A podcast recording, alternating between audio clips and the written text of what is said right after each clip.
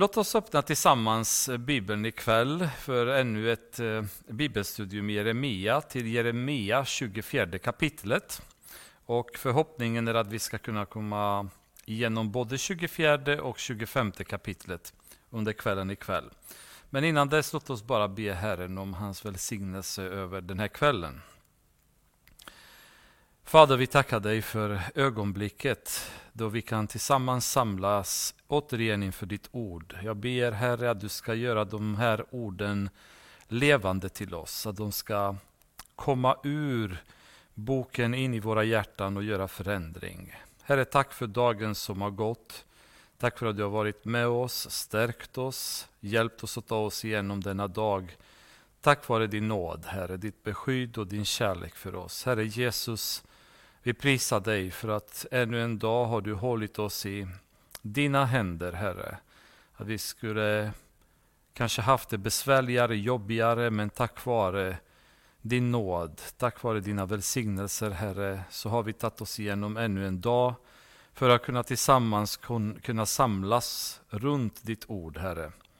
Låt den här stunden vara välsignad med din heliga Ande som talar till våra hjärtan till uppbyggelse, till tröst, till lärande för oss alla. I Jesu underbara namn ber vi. Amen.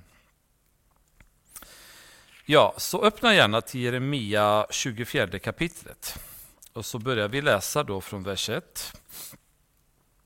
Sedan Nebukadnessar, kungen i Babel, hade fört bort Jekonia, Jojakims son, kungen i Juda från Jerusalem tillsammans med judafurstar, hantverkarna och smederna och låtit dem komma till Babel visade mig Herren i en syn två korgar med fikon uppställda framför Herrens tempel. Ehm, så redan från vers 1 så behöver vi sätta sammanhanget för att förstå var i perioden vi befinner oss. Eh, och det är någonting som vi kommer göra ofta när vi går igenom Jeremia. Därför att det blir svårt att förstå vad han pratar om om man inte förstår var vi befinner oss historiskt. Eh, och inte minst det faktum att, som vi sa tidigare, att han hoppar fram och tillbaka genom historien i boken och har man inte koll på var man befinner sig så blir allting väldigt förvirrande. Profetierna blir lite svåra att tolka, man vet inte vad han pratar om och till vem han pratar. Så i vers 1 så säger Jeremia att nu befinner han sig um, i tiden efter att Jojakim um, hade förts, eller ehm, um, Jojakims son, alltså Jekonia eller Jojakin, som vi sa tidigare att han kunde heta. Han hade förts uh, eh, till Babylon som fånge. Och eh, om ni kommer ihåg så gick vi igenom lite grann tidsspann tidigare, men bara som en eh, rekapitulation av det så kan vi göra det lite kort så att vi vet exakt var vi är. Så um, om ni kommer ihåg när Nebukadnessar kom till makten 605 f.Kr. så inledde han första invasionen mot eh, Juda. um, och I den invasionen så plundrade han eh, landet och Jerusalem till viss del, tog en del fångar eh, som man förde tillbaks till Babylon. En av de fångarna var Daniel då, som fördes eh, Eh, till fångenskap 605 f.Kr. De flesta av de här händelserna är beskrivna i ganska bra detalj, detaljer i ehm, Andra Kungaboken, 24 och 25 kapitlet. Och det är lätt att komma ihåg eftersom vi kommer läsa Jeremia 24-25 idag, så ni kan bara hoppa fram och tillbaka mellan Jeremia 24-25 till Andra Kungaboken 24-25 för att kunna få historiska bakgrunden till vad som händer. Så um, första invasionen var 605, men det är inte den som Jeremia refererar till här, i, här idag, utan det är den andra invasionen som skedde 597 f.Kr. Då uh, Nebukadnessar kommer tillbaka och uh, uh, invaderar Jerusalem. Och då i samband med det så tar han, eh, enligt beskrivningen, ehm, ett stort antal tjänstemän, eh, adeln kan man säga, som levde i Juda på den tiden. Eh, befälhavarna, de tappra stridsmännen, refereras till i Andra Kungaboken 24-25. Hantverkare, smeder och 10 000 man till fång, i fångenskap i Babylon. Bland dem så tar han Jojakin, då, som var kungen, iförd bojor eh, tillsammans med sin mamma Nehushta, som båda två eh, blir fångar. Och i en profetia som tidigare eh, uttrycks av Hesekiel bland annat så säger han där att Jojakin kommer aldrig återvända från Babylon tillbaka och det har inte han gjort heller. Utan Jojakin har sedan suttit i 37 år som fånge i Babylon. Efter 37 år eh, Nebukadnessars son Evilmerodak som blev den nya kungen befriar Jojakin från fängelset. Han eh, återupprättar hans privilegier så att han får sitta sen och äta vid kungens bord. Och så får, får han därefter en slags eh, fast, ett slags fastunderhåll som han kommer eh, leva på. Men Jojakin återvänder aldrig till Juda därefter utan han blir kvar i Babylon och dör någonstans i de trakterna, det vet inte vi exakt var. Och i samband med eh, med den invasionen då 597 f.Kr. då togs Hesekiel som fånge och fördes till Babylon också. Och det är den invasionen som texten handlar om, eller händelserna efter det. Efter att Jojakin hade förts till Babylon, det är nu eh, Jeremia har en vision från Gud. Sen vet vi att det var en tredje invasion, 586, som blir lite senare i tiden. Det blir under kung Sitkia, då Jeremia själv um, får lämna Juda, men han hamnar tydligen i Egypten snarare än Babylon. Men det är lite längre fram i tiden, så, um, så vi behöver gå in till in på det. Men man kan säga att i samband med första invasionen så har Nebukadnessar eh, plundrat till viss del Jerusalem och omgivningar i Juda. Andra invasionen har han plundrat ännu mer, eh, men dessutom tagit mycket mer fångar och i princip Eh, alla yrkesmän, ehm, tjänstemännen, furstarna, ehm, de mer höguppsatta i landet, de fick ehm, tas till fånga till, eh, till Babylon. Tredje invasionen 586 f.Kr. Det var den totala förstörelsen av Jerusalem. Då revs murarna, templet, kungliga, kungliga palatset, alla hus som tillhörde de höguppsatta i Jerusalem, de revs och eh, man kan säga att det, det blev en, ett tillintetgörande av staden då under den perioden. Började påbörjat belägringen 587 f.Kr. avslutades 586 med totala förstörelsen av Jerusalem. Bara så att ni har återigen sammanhanget, vet ungefär var vi befinner oss. Men nu är vi någon gång efter 597 f.Kr.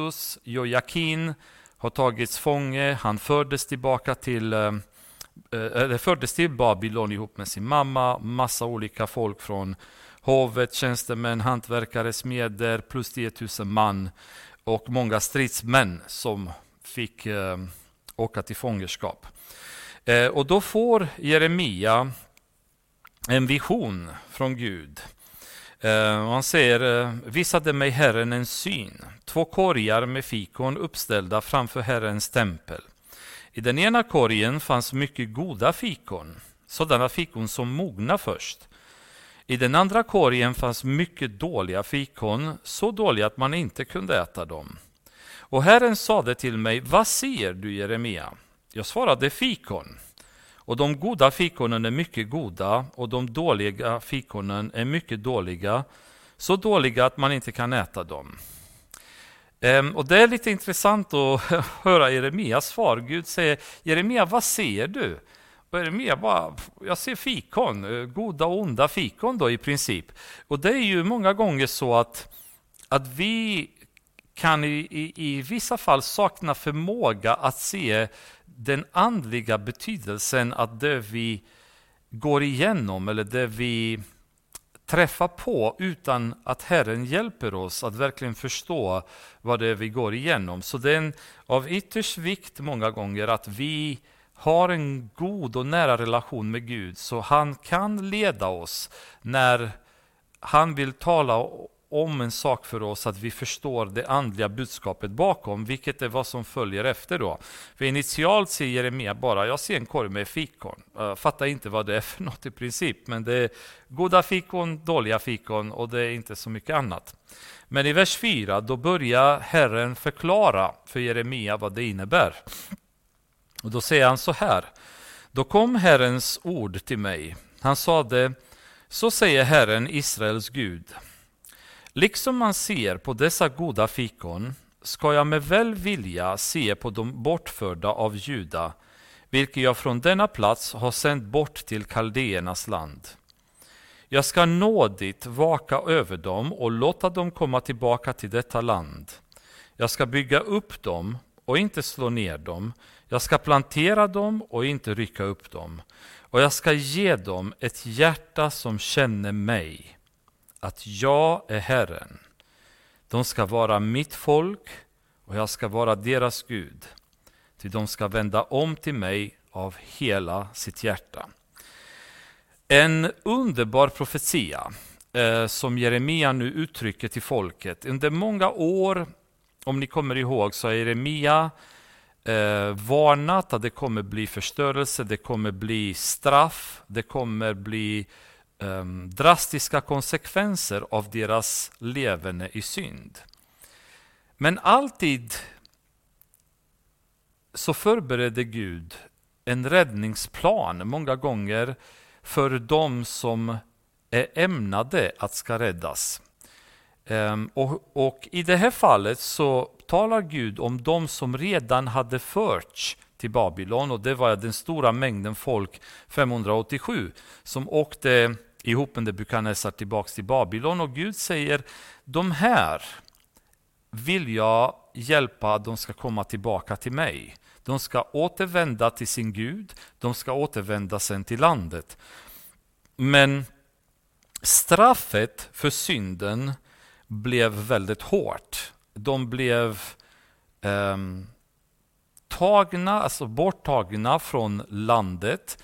De förlorade allt. De fördes um, ja, hundratals kilometer, tusentals kanske var det, beroende på var i Babylon de hamnade, bort från sina hem, hamnade i ett land med främmande folk, med främmande språk, som slavar, som besegrade människor. Eh, och i detta så vill Gud nu att de ska förstå att det finns hopp. Synden hade fört dem till absoluta botten av deras liv. Och där, nu, ville Gud genom Jeremia tala om för dem att det finns hopp. Eh, jag kommer eh, vara nådig gentemot er. Jag kommer hjälpa er att återvända hem från det här landet där ni har hamnat i. Det kommer bli en väldigt tuff period, men jag kommer vara med er där. Och ni betyder mycket för, för mig. Och Guds kärlek är ju fantastiskt att det, det hela tiden följer eh, människorna och in i det sista försöker ändå att hjälpa oss, att ge oss en uppmuntran, att visa att det finns hopp bortom den situation vi befinner oss i. Um, ibland också är det så att vi envisas att fortsätta i synd trots varningar, trots att Gud åtskilliga gånger påminner oss att vi behöver omvända oss. Och Det har att göra med kanske större synder som vi lever i, eller det kanske handlar om slarv i vår relation med honom, um, brist på kärlek, brist på vilja att umgås med Gud, um, en jakt efter köttets lustar. Oftast kan det vara som dominerar våra liv. Um, passion för det jordiska kan man väl säga. Um, och Herren hjälper oss hela tiden att komma ihåg och manar oss att tänka på att vi behöver upprätta en relation med honom. Vi behöver se till våra liv, vi behöver undvika synd, vi behöver bekänna våra synder, vi behöver be honom om förlåtelse. Och så undviker vi att göra detta. Ehm, vi vill inte, så som många gånger judarna var. Ehm, och Gud måste då ibland låta konsekvenserna av synderna att ta över för att kunna bryta ner oss till en punkt där han återigen kan börja upprätta oss ifrån. Och I det här fallet, den babyloniska, det babyloniska fångenskapet har varit en så fruktansvärt dramatisk händelse i judarnas liv. Så det har präglat eh, deras historia lång tid därefter. När man läser Esra, Nehemia, när de återvänder tillbaka då till landet. Man ser hur enormt traumatiserade de har hade varit på grund av den här fångenskapen. Gråten som eh, fanns bland folket när de var i Babylon, desperationen och längtan efter Jerusalem, efter eh, deras Gud och tillbedjan hade vuxit till enorma nivåer. Eh, men de har varit tvungna att komma till den här absoluta bottennivån, brutna bortom all igenkänning. Därifrån så kan Gud säga, då ska jag ge dem ett nytt hjärta. Jag ska ge dem ett hjärta som känner mig, som känner att jag är Herren. Det ska vara mitt folk och jag skall vara deras Gud. Den relationen som Gud har ämnat att ha med dem från början kommer nu kunna ske efter de hade blivit så nedbrutna så synden inte fanns som ett alternativ för deras liv. Avgudadyrkan, de spännande gudarna de trodde skulle vara så roliga att tillbe visade sig vara inget annat än damm. Eh, meningslösa år av deras liv som de har spenderat att tillbe träbitar och stenbitar och allt möjligt. Och när den, det medvetandet sjunker hos folket där i Babylon, då kan Gud börja forma dem. Då kan han forma deras hjärta på nytt och då börjar de vilja känna honom och de vill ha honom som deras Gud. Och när jag läste det här så, så tänker jag tillbaka även redan i, eh, i, i Eden när Gud umgicks med Adam och Eva och väldigt många andra situationer i Bibeln så finns det hela tiden en längtan hos Gud efter att vi ska känna honom. Han vill att vi ska känna honom. Så att vårt liv är så pass nära honom så att vi blir mer och mer ett med honom. Där vi känner igen hans röst, vi känner igen hans vilja.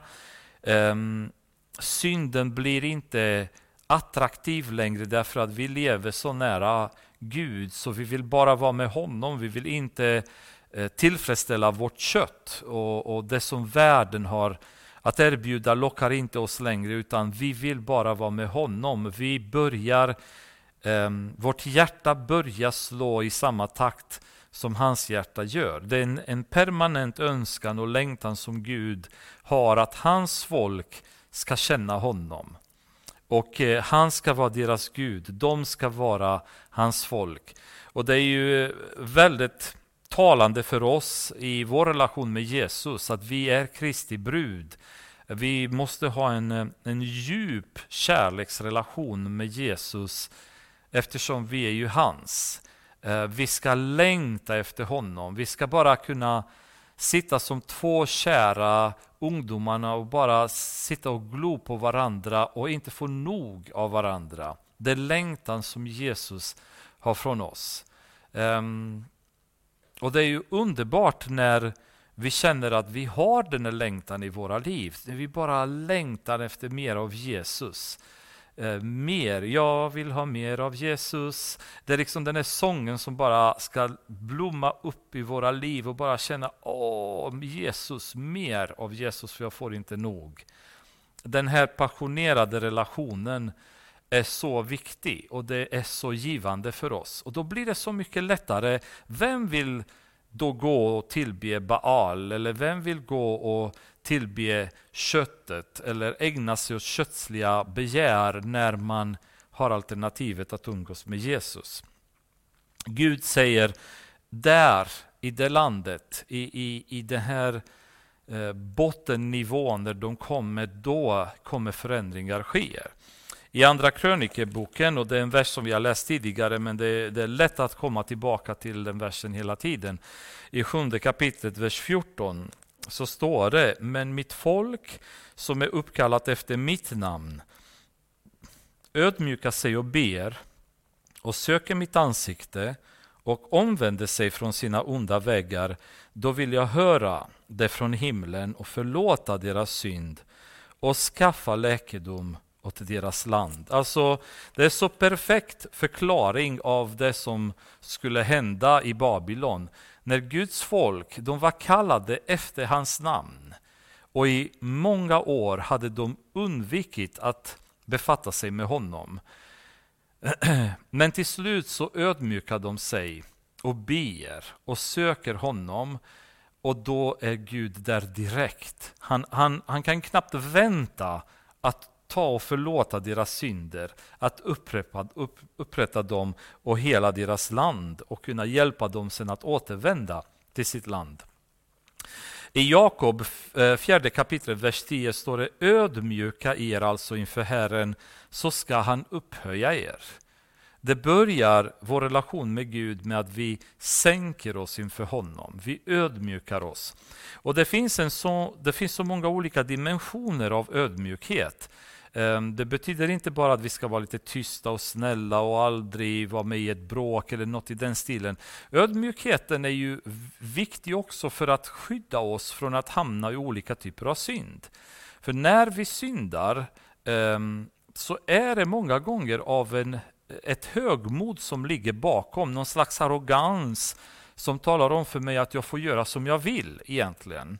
Och även om detta är synd så tillåter jag mig själv att gå i det. Nå, någon slags um, här, herradöme över mitt liv där jag får själv bestämma snarare än motsatsen där jag är ödmjuk, uh, kommer inför Gud och låter honom bestämma över mitt liv. Jag har ingen rätt att bestämma över mitt liv utan då låter jag Herren göra det. Och det börjar med att vi ska ödmjuka oss och ibland så gör vi det frivilligt. Vi förstår det, vi söker Gud, vi låter honom hjälpa oss att ödmjuka oss. Men ibland så gör vi inte det och då kommer Herren ödmjuka oss. Och detta för att han ska sen kunna bygga upp oss på nytt så som han vill ha oss. Första Johannes för, eh, första kapitlet, vers 9 står det om vi bekänner våra synder är han trofast och rättfärdig. Och rättfärdig det är ett ord som betyder egentligen rättvis. Då. Ehm, det är både och. Då. Eh, trofast och rättfärdig så att han förlåter oss våra synder och renar oss från all orättfärdighet. Så ehm, det han säger här det är att om vi bekänner våra synder så har Gud egentligen inget val. Alltså rättvisan i Gud kräver att han ska förlåta våra synder. Det är det som är så fascinerande med Gud, att han, hans principer är så fasta.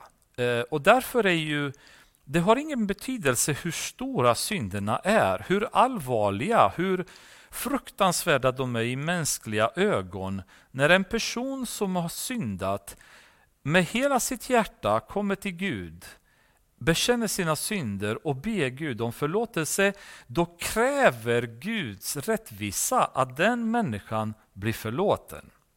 Och det är helt fascinerande att Gud har bestämt själv att en äkta och ärlig bekännande av synd eh, omvändelse från ondska till, till det goda kommer alltid få hans förlåtelse. Och för oss människor är det ju jättesvårt att, att tänka oss. Vi tänker på sådana som har begått fruktansvärda synder. Eh, massakrerat folk eller eh, massmördare eller otroligt onda människor som på olika sätt har skapat tragedier i världen och vi anser att sådana människor egentligen inte ska få någon förlåtelse. Men Gud säger nej. Om de här människorna med hela sitt hjärta ångrar sin synd, ber om förlåtelse, bekänna sina synder inför mig, då ska de vara förlåtna. Därför att Gud har en rättvis eller rättfärdig inställning att förlåtelse ska alltid ges den som ärligt ber om det. Man tittar på Manasse och den, eh, den ondska som han har spridit i Juda genom sitt levande. Vi har pratat mycket om honom vilken fruktansvärd kung han var. Ändå i slutet av, av sitt liv så omvände han sig till Gud och Gud tog emot honom. Men samtidigt även därefter i historien så refererar Gud till Manasses synder många gånger.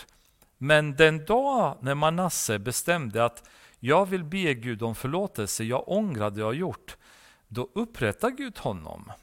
Eh, och hans, hans förlåtande vilja och önskan är så stor så Gud bara väntar på att vi ska komma till honom och be om förlåtelse och ta itu med våra synder för att han ska ge oss hans förlåtelse så fort han bara kan. Eh, det är en längtan han har, det är en vilja. Han vill inte hindra förlåtelsen från att komma till oss. Han vill jättegärna ge oss förlåtelse. Men också lika mycket som hans rättvisa kräver att vi får förlåtelse, så kräver hans rättvisa att vi ångrar våra synder, bekänner våra synder inför honom och ber honom om förlåtelse. Då kan portarna öppnas. Utan det så är det omöjligt um, att komma till Gud om vi inte är beredda att ta tag i våra synder. Eh, dörrarna är stängda, möjligheterna är kapade. Men ibland så vår envishet gör att Gud till slut måste tillåta omständigheter som ska ödmjuka oss, få oss ner i botten, förändra vårt hjärta för att då ska vi kunna förstå vikten av att komma till honom och bekänna våra synder.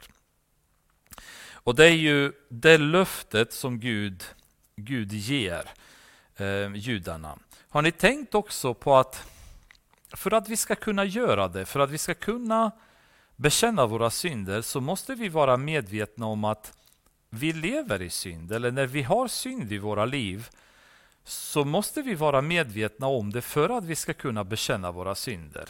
En människa som lever utan Gud där i världen och inte förstår frälsningens budskap, förstår inte att han eller hon behöver bekänna sina synder, ta emot Jesus som deras frälsare. Och därför väldigt mycket av djävulens aktivitet är koncentrerat på att tala om för världen att det man gör inte är en synd.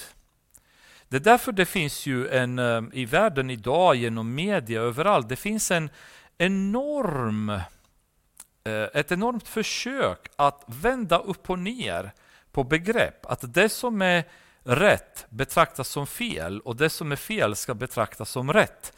Um, därför att i det ögonblicket då samhället och världen omdefinierar rätt och fel, när att bedra sin fru eller sin man är inte fel längre. När att ha multipla relationer med olika kvinnor eller män inte är fel längre. När att ha relationer med kvinnor med kvinnor och män med män, eller med barn, eller med träd, eller med djur, eller olika sådana typer av aktiviteter inte är fel, utan det är bara alternativa livsstil, livsstilar. När tron på Gud är betraktad som galenskap, men otro och um, ateism betraktas som någon slags ärofullt, något som samhället uppskattar och värderar och tycker om.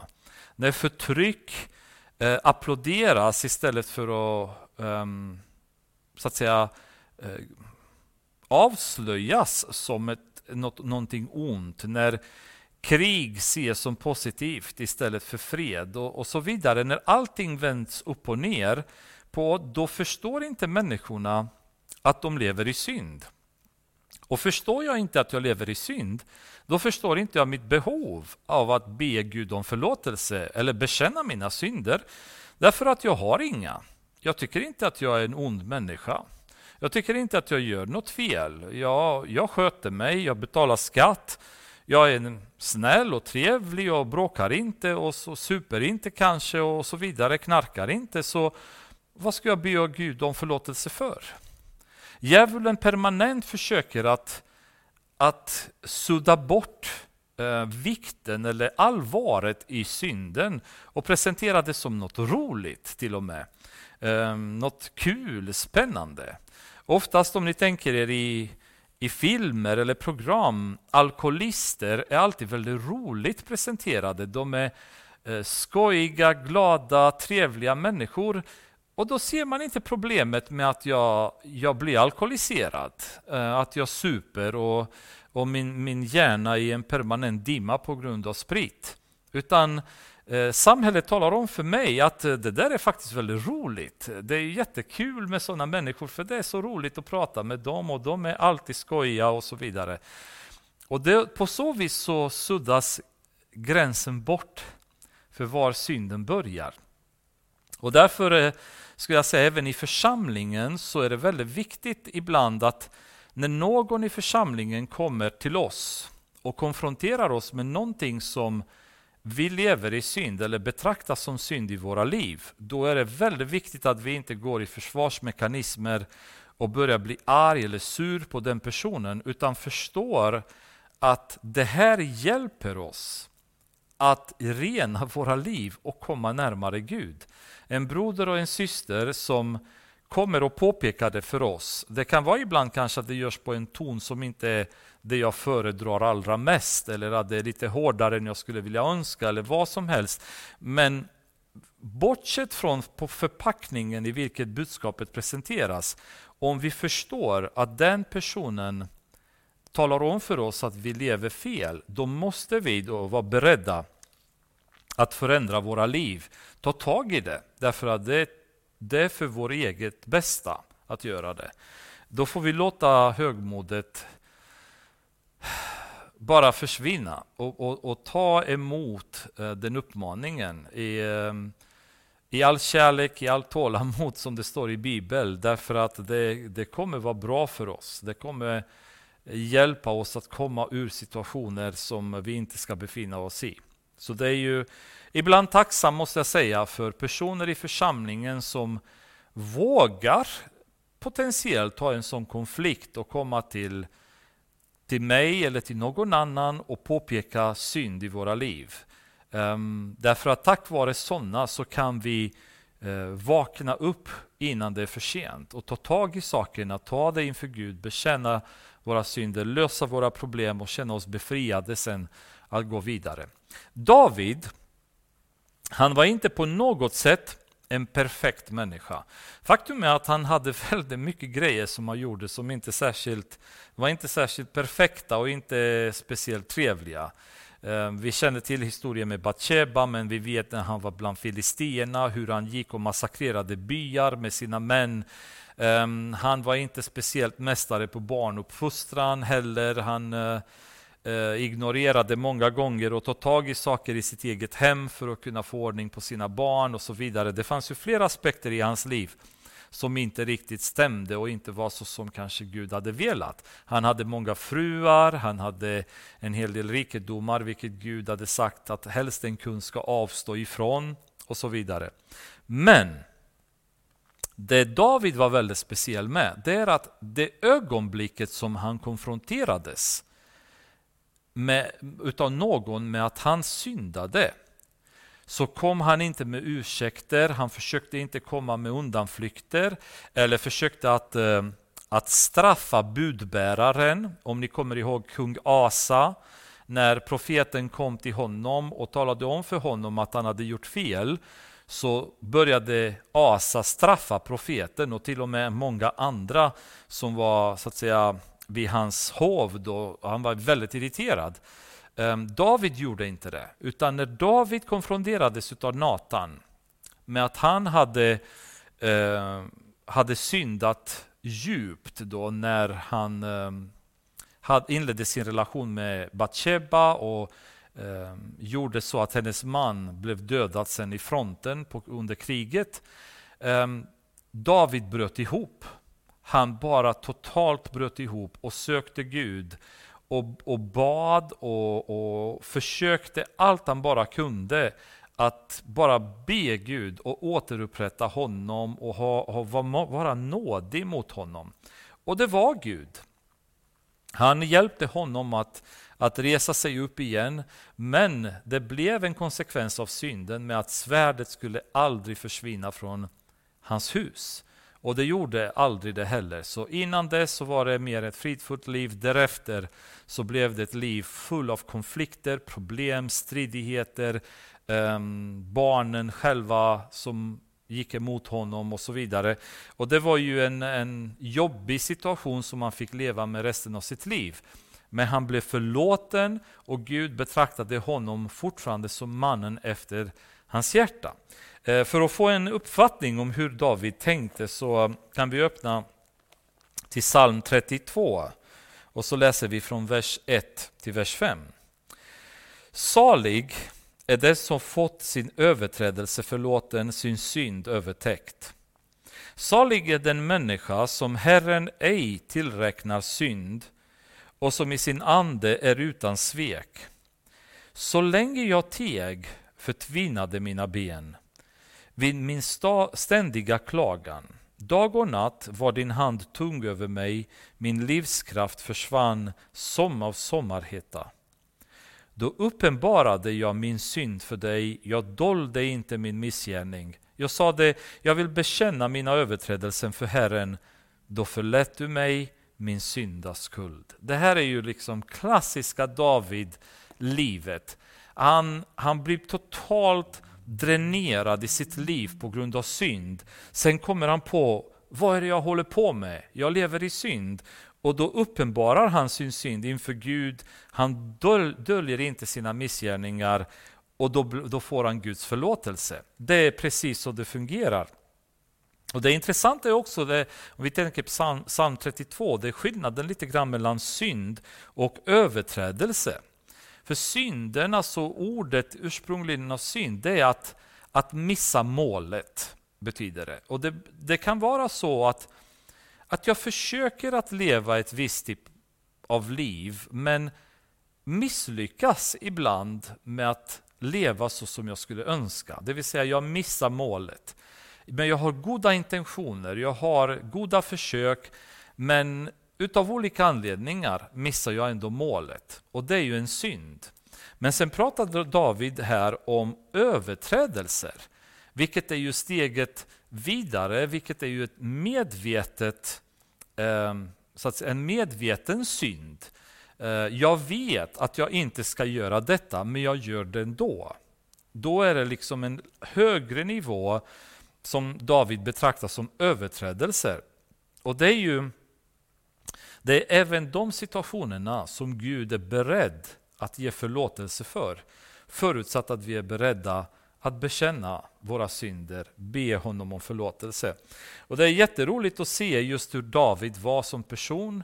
Eh, att varenda gång han kom till botten så försökte han att resa sig därifrån så fort han bara kunde. Inte ligga kvar i synd, utan ta itu med det direkt. Lösa problemen och komma tillbaks till en, en relation med Gud. Och Det får vara en uppmaning till oss ikväll att om någon befinner sig i en situation då man har ignorerat Gud länge, man lever i ett liv där man känner att man är dränerad, man har ingen kraft, man har tappat orken i Gud, man har tappat passionen och kärleken. Eh, man har tillåtit för mycket av världen att krypa in, för mycket av köttet. Ta tag i detta och bekänn, lämna dem inför Jesu fötter. För han väntar så ivrigt på att vi ska komma till honom för att han ska kunna befria oss. Han vill inte att vi ska ligga där och må dåligt och ha det tufft och eländigt och bara ligga kvar i botten. Utan han vill upprätta oss därefter och forma oss sen efter hans vilja. Och när vi kommer till den punkten av ödmjukhet i våra liv, det är då Gud egentligen kan börja använda oss. Därför att då har vi eh, avklätt oss våra försök, våra kötsliga ansträngningar, utan då kommer vi bara till Gud och säger förlåt. Hjälp mig att komma härifrån. Och det är en bön som Gud säger, han är trofast och rättfärdig att besvara med förlåtelse. Och det är underbart. Men så som man gör med dåliga fikon, som är så dåliga att man inte kan äta dem på samma sätt, säger Herren, ska jag göra med Sidkia, juda kung, och med hans furstar, och med återstoden i Jerusalem, både de som är kvar här i landet och de som bor i Egypten. På alla orter dit jag fördriver dem ska jag utlämna dem till skräck och till olycka, i alla riken på jorden till en skam och ett ordspråk till en nidvisa och en förbannelse.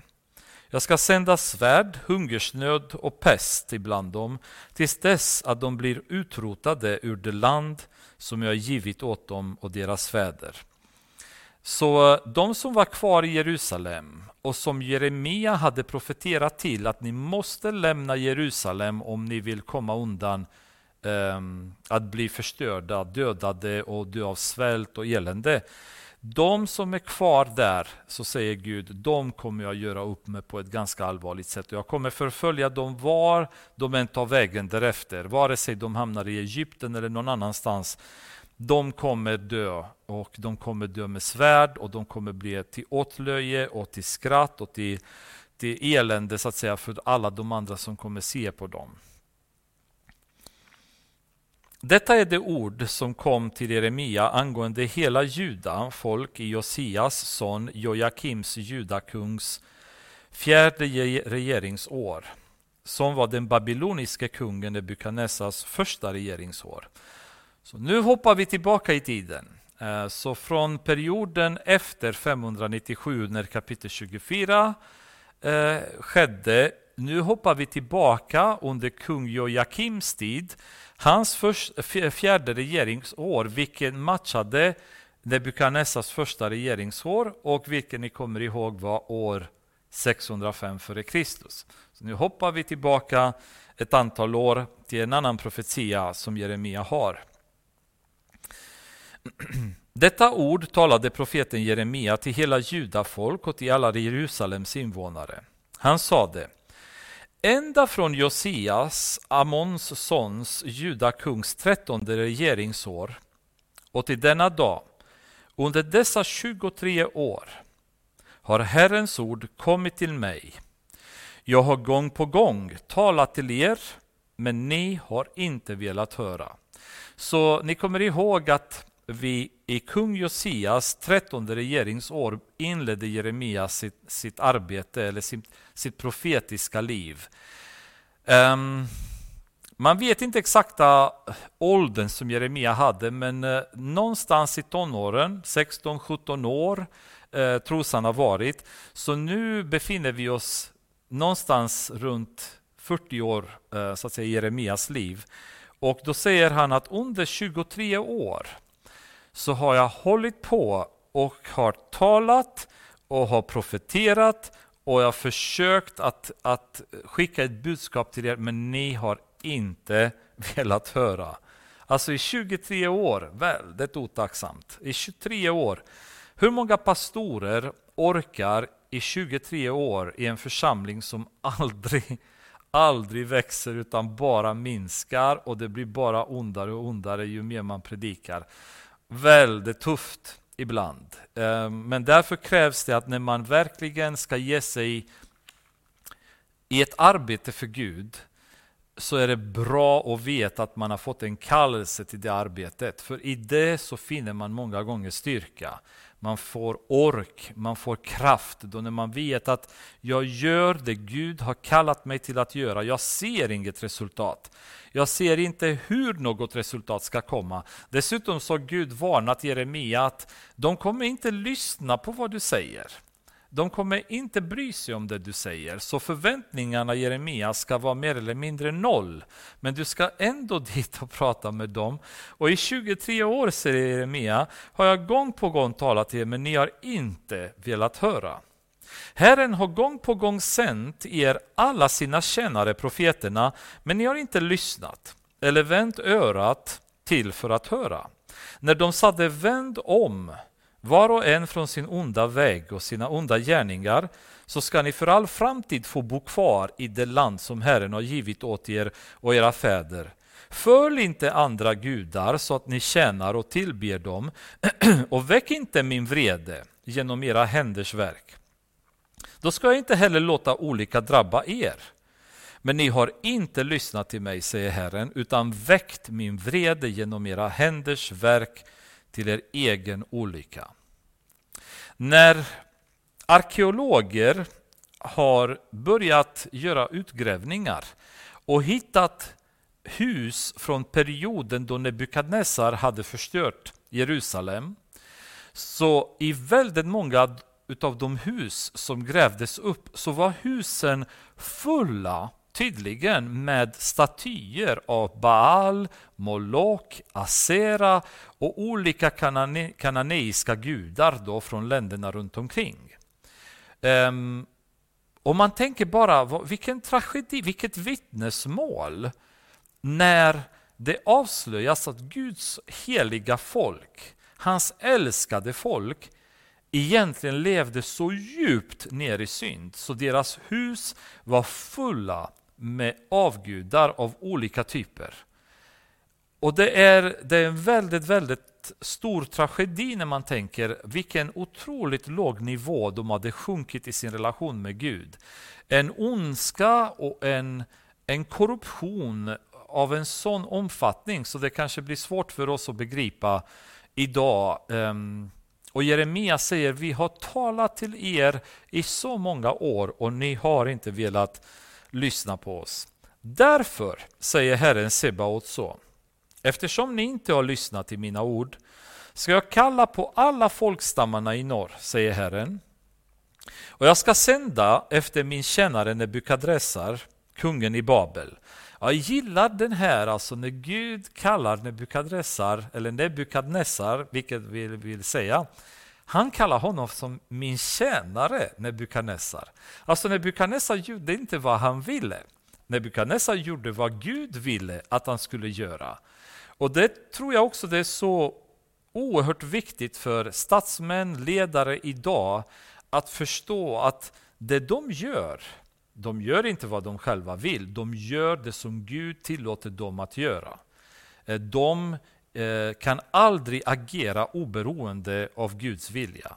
Utan Gud styr allt, han har kontroll, kontroll över allt. Och då säger han, min tjänare Nebukadnessar, kungen i Babel. Och jag ska låta dem angripa detta land och de som bor här, liksom alla hedna folken här omkring. Jag ska förgöra dem och de ska bli till häpnad och åtlöje och evig ödeläggelse. Jag ska bland dem göra slut på rop av fröjd och rop av glädje, på rop av brudgum och rop för, för brud på kvarnens buller och lampans ljus. Vers 10 kan man rätt sammanfatta, jag kommer eh, göra slut på ert liv så som ni känner det. Alltså det som vi gör i våra liv kommer upphöra att existera. Det blir ingen mer underhållning, det blir inga mer bröllop, det blir ingen mer glädje i landet, det blir um, ingen olja, inga lampor som lyser. Alltså om vi ska tolka det med svenska mått mätt så, så finns det inga mysiga lampor tända i våra fönster, det finns ingen värme i våra hus. Det finns ingen glädje i våra familjer, det finns inga äktenskap som sker. Det finns inga jobb att gå till längre. Allting som vi lever för och tjänar kommer Gud göra slut på. Um, och det är ju en, um, det, det, är en, en fruktansvärd situation när syndare faller i händerna på en, en vred Gud när Gud bestämmer att nu är det slut. allting som vi har oss kär idag kan försvinna på en dag om Gud bestämmer sig att ta bort sin hand. Och han säger i vers 10 att allt som ni gör, allt som ni tycker är mysigt, trevligt, roligt, det kommer ta slut. Ert liv kommer aldrig vara detsamma eh, efter detta. Hela detta land ska, jag, ska ödeläggas och förstöras och dessa länder ska tjäna Babels kung i 70 år. Men när 70 år har gått ska jag straffa kungen i Babel och folket där för deras missgärning, säger Herren. Och även kaldéernas land ska jag göra till en ödemark för all framtid. Så här är Jeremias profetia om att ni kommer att hamna i fångenskap i Babylon. Men det fångenskapet kommer enbart vara i 70 år. Därefter så finns det upprättelse. Och då är det frågan, varför 70 år? Eh, är det bara för att siffran 7 har med Gud att göra? Ja, till viss del indirekt är det så. Men det finns betydligt djupare orsaker till att de hamnade i Babylon just i 70 år. Om ni vänder med mig till Andra Moseboken, 23 kapitlet. Vers 10 och 11 kan vi läsa. Eh, där pratas det om ehm, hur sabbaten bland annat skulle firas. Men eh, det pratas också om det sabbatiska året, kan man säga. Eh, och då står det så här. I sex år ska du beså din jord och bärga dess groda, gröda. Men det sjunde året ska du låta den vila och ligga orörd för att de fattiga i ditt folk ska få sin föda från den.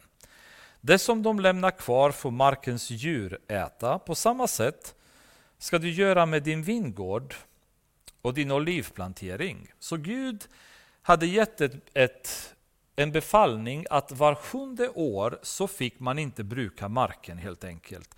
Man, man fick inte plöja jorden, man fick inte arbeta upp jorden, utan jorden, marken fick vila sig under sjunde året.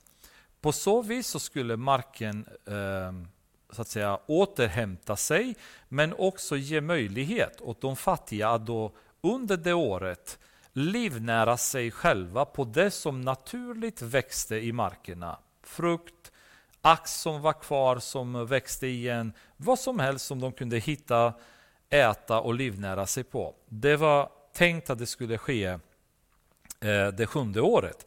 I Andra Moseboken 21 kapitlet, vers 1 och 2, så står det så här.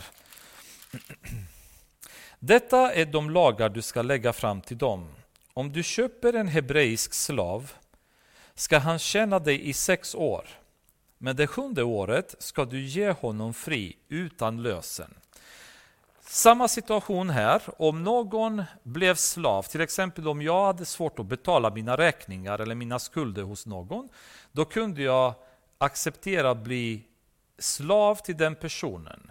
Och var jag en hebré, då kunde jag vara slav i sex år, men då skulle de vara tvungna att sjunde året befria mig. Och då var det ju ett sätt att inte Ehm, tillåta kontinuerlig slaveri bland folket. Båda två de här buden hade eh, totalt trampat sönder utav folket.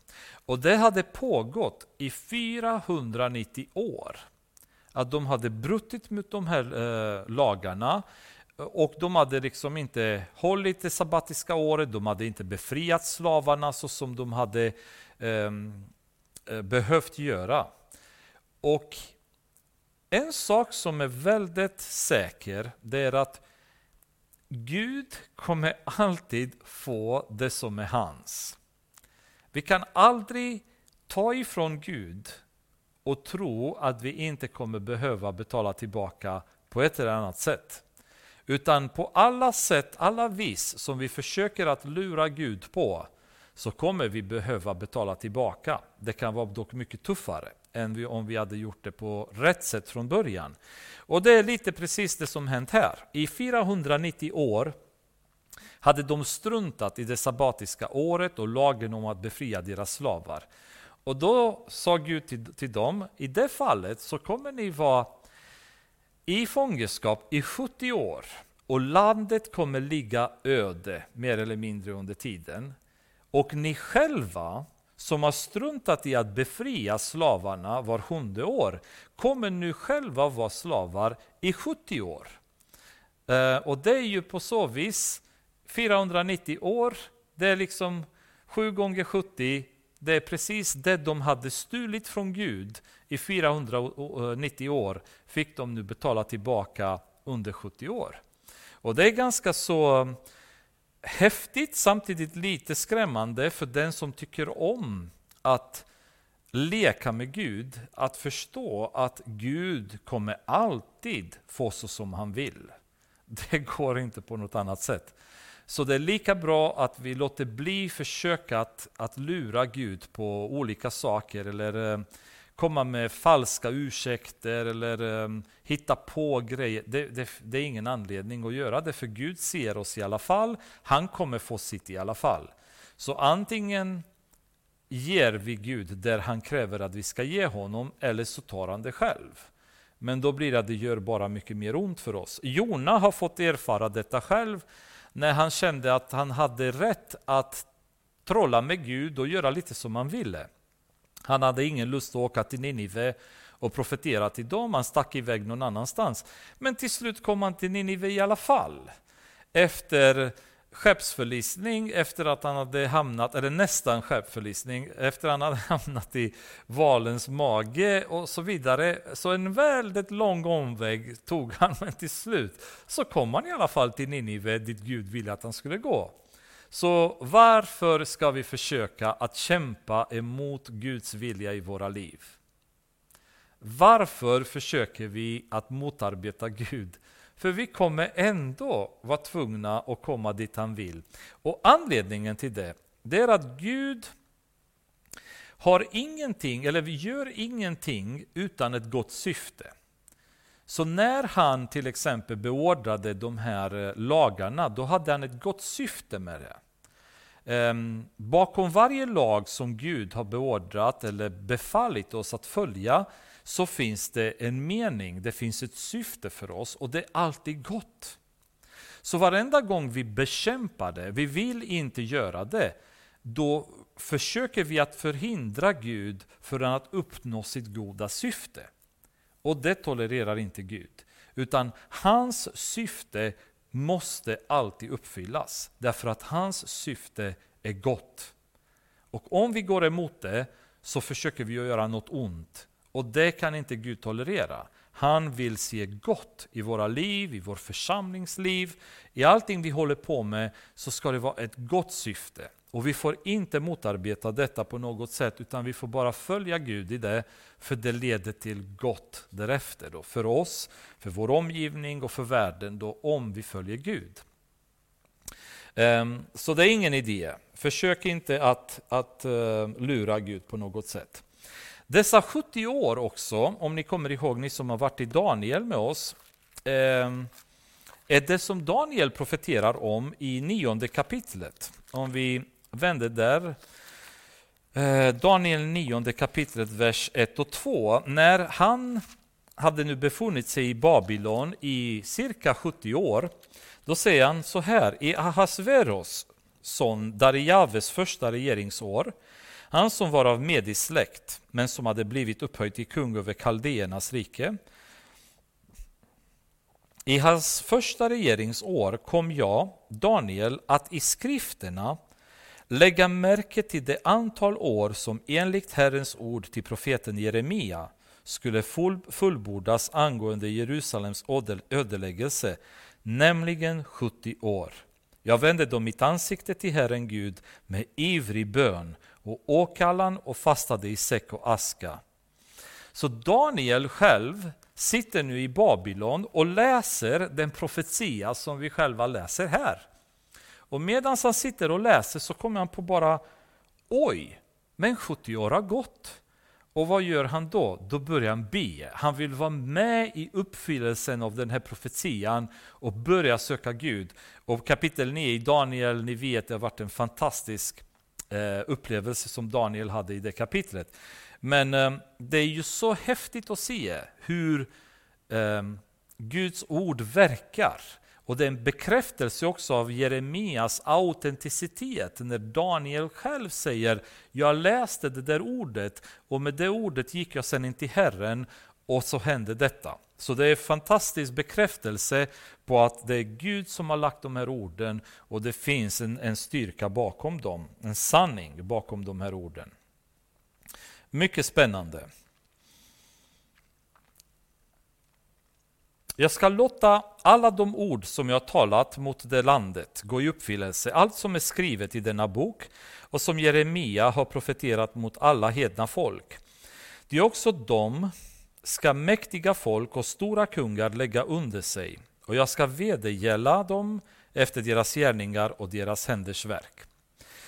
Från och med vers 15 nu framöver så kommer vi i en profetia som Eh, verkar sträcka sig så pass långt så att det går från Jeremias tid hela vägen in till vedermödan, alltså sista tiderna då Gud gör upp med världen. Och följ eh, händelsen så ska ni se hur, hur smidigt det passerar så att säga, så det förflyttar sig långt eh, fram i tid. Ty så sade Herren, Israels Gud, till mig, ta denna bägare med vredesvin ur min hand och låt alla de hedna folk som jag sände dig till dricka av den. De ska dricka så de raglar och förlorar förståndet på grund av det svärd som jag ska sända ibland dem. Och jag tog bägaren ur Herrens hand och alla de folk som Herren sände mig till gav jag att dricka, nämligen Jerusalem med Judas städer, dess kungar och furstar, för att göra dem till en öde mark och till häpnad och åtlöje och till en förbannelse som nu har skett. Vidare farao, kungen i Egypten, hans tjänare, hans furstar och allt hans folk och alla blandade stammar där, alla kungar i landet Us och alla kungar i Filistenas land, både Askelon, Gaza, Ekron och de som finns kvar i Ashdod. Vidare är de Moab och Ammons barn samt alla kungar i Tyrus alla kungar i Sidon och kungarna i kustländerna på andra sidan havet. Vidare Dedan, Temabus och alla de som har kantklippt hår. Undrar vilka de som har kantklippt hår var. Alltså väldigt märkligt folk måste ha varit eftersom de beskrivs på det sättet. Och alla kungarna i Arabien och alla kungar över de blandade stammar som bor i öknen samt alla kungar i Simri, alla kungar i Elam och alla kungar i Medien Slutligen alla kungar i landet i norr, både de som bor nära och de som bor långt borta, den ene såväl som den andra och alla övriga riken i världen utöver jordens yta. Och Sesaks kung ska dricka efter dem. Sesak betyder Babylon. Då.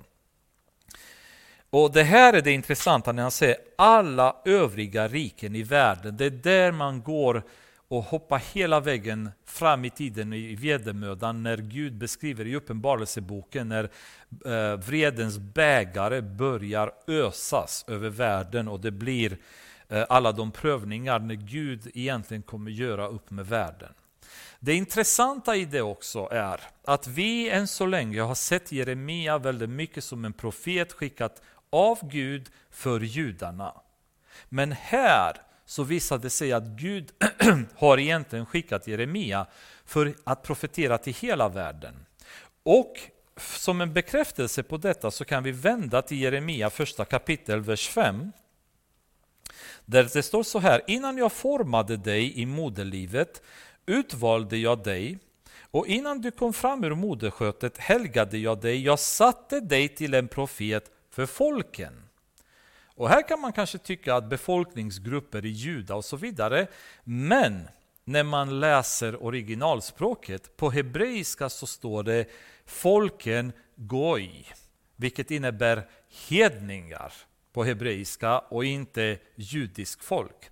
Eh, I eh, grekiska Septuagint, eh, översättningen av Bibeln, som gjordes ganska tidigt, då, vad var det, år 300 före Kristus eller något sånt där. Det kom översättningar av eh, gamla testamentaliska böcker då.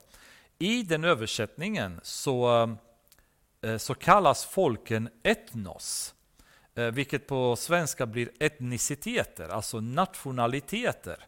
Så redan egentligen i första kapitel, vers 5, så talar Gud om för Jeremia, jag skickar dig som en profet för hela världen. Inte bara för judarna, utan för hela världen. Och här har vi bekräftelsen på det, när han säger att alla övriga riken i världen utöver jordens yta, allihopa kommer Gud göra upp med. Du ska säga till dem, så säger Herren Sebaot, Israels Gud, drick så att ni blir druckna och spyr och faller omkull utan att kunna resa er på grund av det svärd som jag ska sända ibland er. Men om de inte vill ta emot bägaren ur din hand och dricka, så säg till dem, så säger Herren Sebaot, ni måste dricka. Man har inget val när Gud kommer bestämma sig och göra upp med världen. Ty se, med den stad som är uppkallad efter mitt namn ska jag börja straffdomen. Skulle då inte ni, skulle då ni bli ostraffade? Nej, ni ska inte bli ostraffade, utan jag ska kalla på ett svärd mot jordens alla invånare, säger Herren Sebaot. Så Gud går nu vidare och säger, ni kanske tittar på Jerusalem, ni kanske tittar på judarna och ni säger rätt åt dem. De har ju varit så svinaktiga, de har tillbett idoler, de har gjort så mycket dumt. Rätt åt dem har Gud har straffat dem, men Gud säger, tror ni att när jag straffat mitt folk, min stad, mitt land som är kallad efter mitt namn, för vad de har gjort. Tror ni att ni kommer undan ostraffade? Så det är en, eh, en väldigt, vad ska man säga, skrämmande eh, bild man får när Gud säger Vänta ni bara när jag kommer ta itu med er. Ni kanske tycker att det är rätt där, men ni ligger precis lika risigt till. Och det är ju en, en situation som vi bör vara medvetna om, att Gud kommer att göra upp med världen. Eh, han kommer ta det som är hans. Han kommer inte kunna tolerera att världen fortsätter för evigt så som den gör. Och det kommer en dag när Gud säger, ert liv så som ni känner det har tagit slut. Och Gud säger, ni kommer också bli straffade.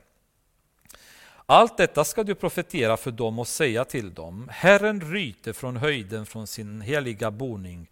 Låter han sin röst höras. Han ryter högt över sitt land och höjer skörderop som en vindtrampare över jordens alla invånare. Larmet hörs till jordens ände, ty Herren går till rätta med hedna folken. Han ska döma allt kött. De ogudaktiga överlämnar han åt svärdet, säger Herren. Så säger Herren Sebaot, se en ofärd går ut från folk till folk, från en väldig storm stiger upp från jorden yttersta ände. De som på den dagen blir slagna av Herren ska ligga från jordens ena ände till den andra. Man ska inte hålla dödsklagan efter dem, inte samla upp och begrava dem, utan de ska bli gödsel på marken. Läser man i Uppenbarelseboken också, då ser man att ungefär två tredjedelar av världens befolkning kommer dö under den här perioden, när Gud kommer um, hälla ut så att säga, sin vredes bägare över hela världen. Och här står det också att det, det, ska bli så många döda människor så det blir från en ände till en annan i världen. Man ska inte ens kunna hålla, hålla dödsklagan över dem. Det, det är bara så vanligt. Eh, det går inte ens att klaga över dem, det går inte ens att begrava dem. Det är för många. Jämra er, ni herdar, och klaga. Vältra er på marken, ni ledare för jorden. Tiden är inne då ni ska slaktas och ni ska skingras, ni ska falla sönder som ett dyrbart kärl. Ingen tillflykt finns för herdarna, ingen möjlighet att undkomma för jordens ledare. Ni kommer ihåg också när beskrivningen i sista tiderna är när Gud också börjar, ehm, eh, änglarna börjar liksom ehm, hälla ut sina bägare över jorden, blåsa i basunerna, så kommer folk säga berg, fall över oss och göm oss. Alltså folk kommer vara så desperata att komma undan, men det kommer inte gå att komma undan. Hör herdarna ropa och ledarna för jorden jämra sig, till Herren ödelägger deras betesmark. Och de fridfulla ängarna förstörs på grund av Herrens brinnande vrede. Likt ett ungt lejon drar han ut ur sitt snår. Deras land blir en ödemark på grund av förtryckarens svärd och hans brinnande vrede. Så en mäktig eh, profetia över Guds dom som inleds med judarna in i Babylon, men sen som kommer fortsätta med att babylonierna själva kommer dömas, alla de andra grannationerna och så ökar eh, så att säga, gränserna mer och mer och mer tills det sträcker sig under vedermödans tid över hela världen när Gud kommer eh, förgöra hela, hela tiden, eller hela delar av jorden då, eh, jordens befolkning, allting kommer bara vändas upp och ner när naturkatastrofer och kataklysmer kommer inträffa samtidigt som jordens ondska kommer uppnå sin allra högsta nivå. En fruktansvärd period som kommer inträffa. Men jag är av den åsikten att vi som är Guds barn, som har tagit emot Jesus som vår frälsare i våra liv, kommer se den här filmen från himlen och inte vara på jorden för att titta på den. Och med dessa glada toner så låt oss tacka Gud för ikväll. Herre, vi tackar dig för att du älskar oss så mycket. Vi tackar dig för att ingen synd är för stor för dig för att förlåta. Jag älskar Herre att vi kan komma till dig när som helst och bli alltid bemötta av värme och kärlek och välkommande attityd från dig Herre. Så fort vi lägger våra synder till dina fötter så finns det bara en sån underbar upprättelse Herre. Den här glädjen och strömmen av lättnad som kommer i våra liv när vi vet att våra synder är förlåtna. Det är underbart. Herre Jesus, tack för ditt blod. Tack vare ditt offer, Herre, så vet vi att våra synder är förlåtna. Och även om de är scharlakanröda, Herre, så vet vi att ditt blod gör dem vita som snö. Alltså våra liv ser så vackra ut i Guds ögon tack vare dig. Åh Herre, tack för att du har gått hela vägen och inte backat när det var tungt. Ge oss samma inställning, Herre, att med din kraft med heliga Andens styrka att vi ska kunna bara gå framåt och inte bakåt och inte avvika från den goda vägen. Oavsett hur tufft det är, oavsett hur impopulärt det är, så låt oss få bara vara trogna och tjäna dig, Herre Jesus. I ditt underbara namn ber jag. Amen. Tack ska ni ha för ikväll och Gud välsigne er.